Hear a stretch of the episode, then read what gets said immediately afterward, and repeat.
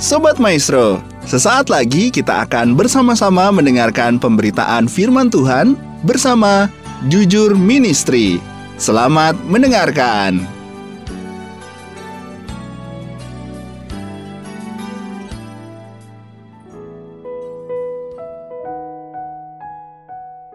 Shalom, salam jumpa kembali bersama saya Ibu Heniliana dari Jujur Ministry Jujur Ministry sendiri memiliki visi melayani dengan kasih sesuai perintah kerajaan Allah, menjadi perpanjangan tangan Tuhan untuk orang miskin, Galatia 2 ayat 10, Matius 6 ayat 11, Matius 25 ayat 35 dan 40. Misi kami membantu mensejahterakan masyarakat yang miskin, membangkitkan empati untuk orang tua dan anak-anak muda, untuk terus memiliki gaya hidup yang berbagi dan memiliki hati yang berkemurahan. Adapun yang kami lakukan adalah memberi makan kepada orang miskin, dan memberi bantuan uang sekolah kepada anak SD yang membutuhkan. Sobat Mesro, sebelum kita masuk ke dalam perenungan firman Tuhan, mari kita memuji Tuhan.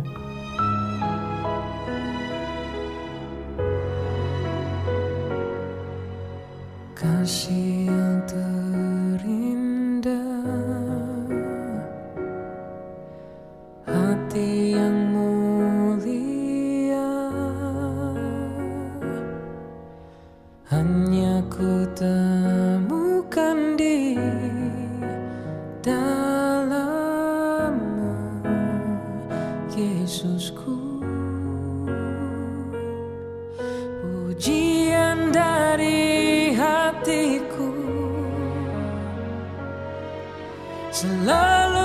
Yesus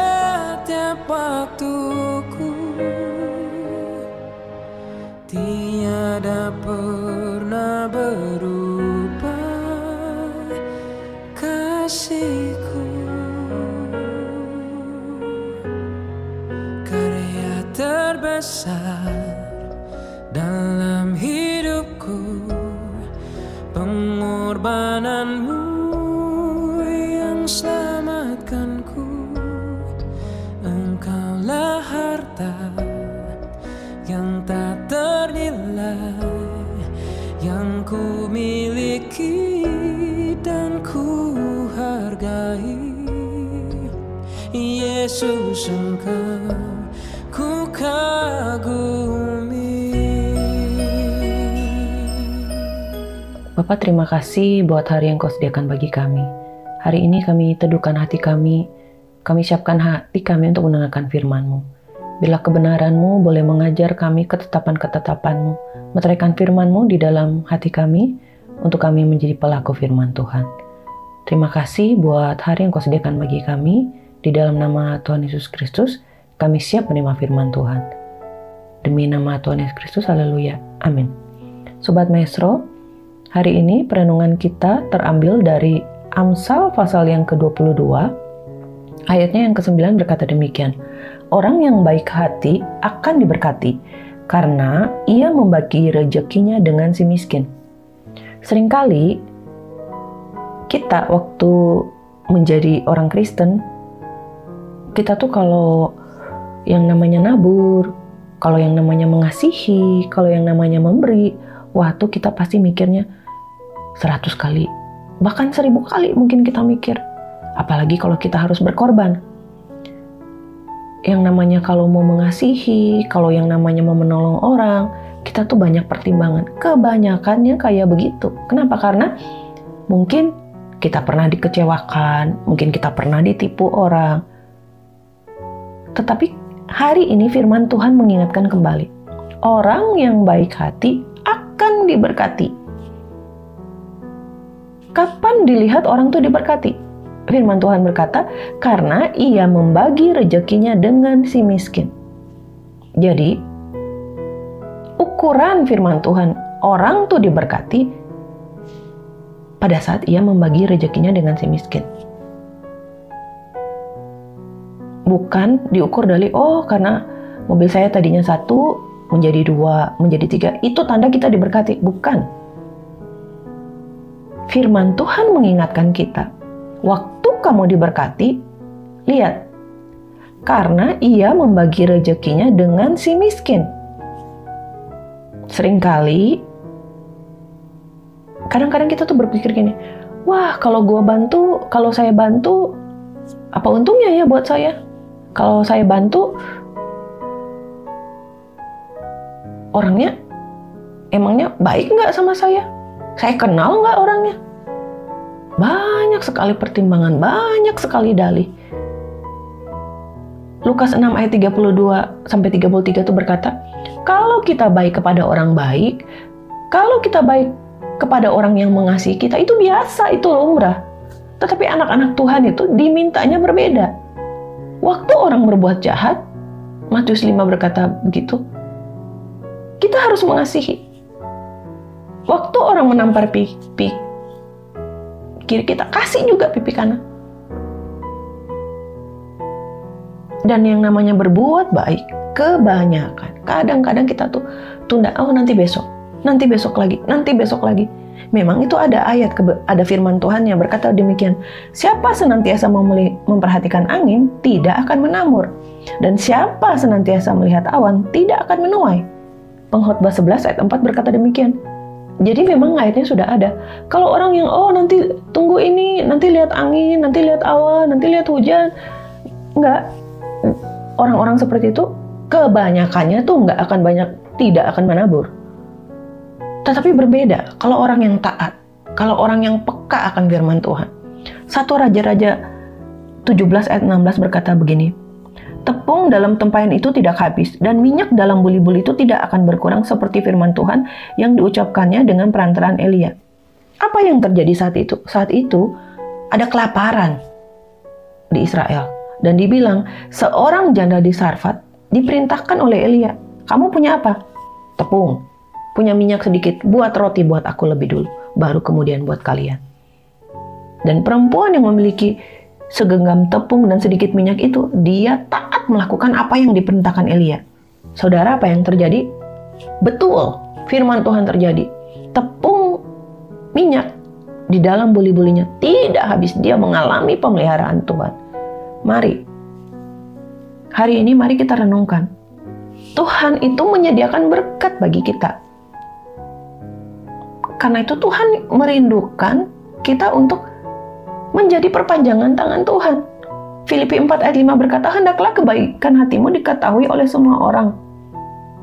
Saudara, kalau Tuhan sudah baik kepada saudara, kalau Tuhan sudah mengasihi saudara, jangan-jangan simpan buat diri Anda. Bagikan kepada orang lain.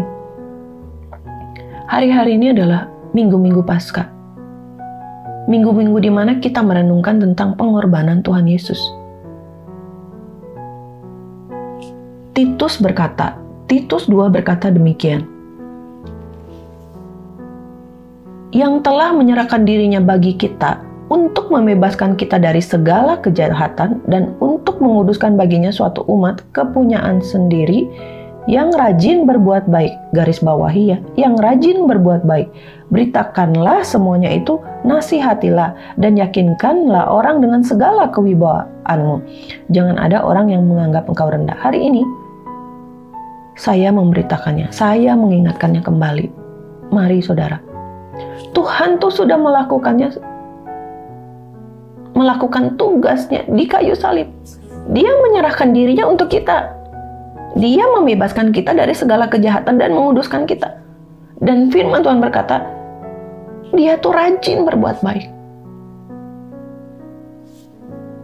Selama masa pelayanannya di bumi, Tuhan itu terus bergerak yang namanya dengan komunitas manusia. Dia memperhatikan kebutuhan rohani, memperhatikan juga kebutuhan jasmani. Ke mana pun orang ikut dia. Kalau saudara ingat kisah 5000 mujizat 5 lima roti dan dua ikan yang memberi makan 5000 orang. Itu selalu dibilang, Tuhan itu punya belas kasihan. Tuhan itu murah hati dan suka melakukan perbuatan baik. Dimulai apa? Ada tandanya nggak? Tandanya adalah dengan memberi. Itu yang Tuhan lakukan. Amsal 22 ayat 9 berkata, orang yang baik hati akan diberkati. Kenapa? Karena dia membagi rezekinya kepada si miskin. Hari-hari ini Tuhan sudah melakukan tugasnya di kayu salib. Mari, Mari kita yang melanjutkan pekerjaan ini, pekerjaan Tuhan ini, kita yang menjadi perpanjangan tangan Tuhan. Supaya apa? Supaya orang melihat Yesus. Kadang Injil itu tidak hanya harus diberitakan seperti yang saya bicarakan hari ini. Kadang Injil itu hanya diberitakan dengan pemberian nasi. Kadang Injil itu diberikan dengan memberi bantuan, memberi waktu, memberi kesempatan untuk orang berubah, bertobat. Mari, Sobat Maestro, mari. Jangan kita hidup hanya untuk diri kita sendiri. Mari kita belajar menel meneladani Kristus. Kita mau melayani sesama dengan memberi dan menjadi bukti bahwa kita, anak-anak Tuhan di akhir zaman ini, kita mau meneladani Kristus dan menjadi perpanjangan tangan Tuhan. Supaya apa? Supaya banyak orang yang diselamatkan. Mari kita berdoa. Bapak terima kasih biar kami boleh sungguh-sungguh mengerti karyamu di kayu salib Tuhan. Kau sudah melakukannya bagi kami. Biar hari-hari ini Tuhan, kami orang-orang yang mengerti tentang kebenaran. Kami menjadi perpanjangan tangan Tuhan. Kami mewakili Engkau di bumi Tuhan. Untuk terus berbuat baik. Untuk terus berbagi bagi orang-orang yang berkesusahan. Terima kasih buat hatimu yang ada di hati kami. Taruhkan ini kepada seluruh pendengar maestro hari ini.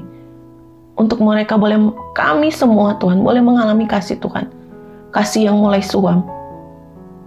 Kasih yang mulai kendor Tuhan hari-hari ini Tuhan pulihkan lagi.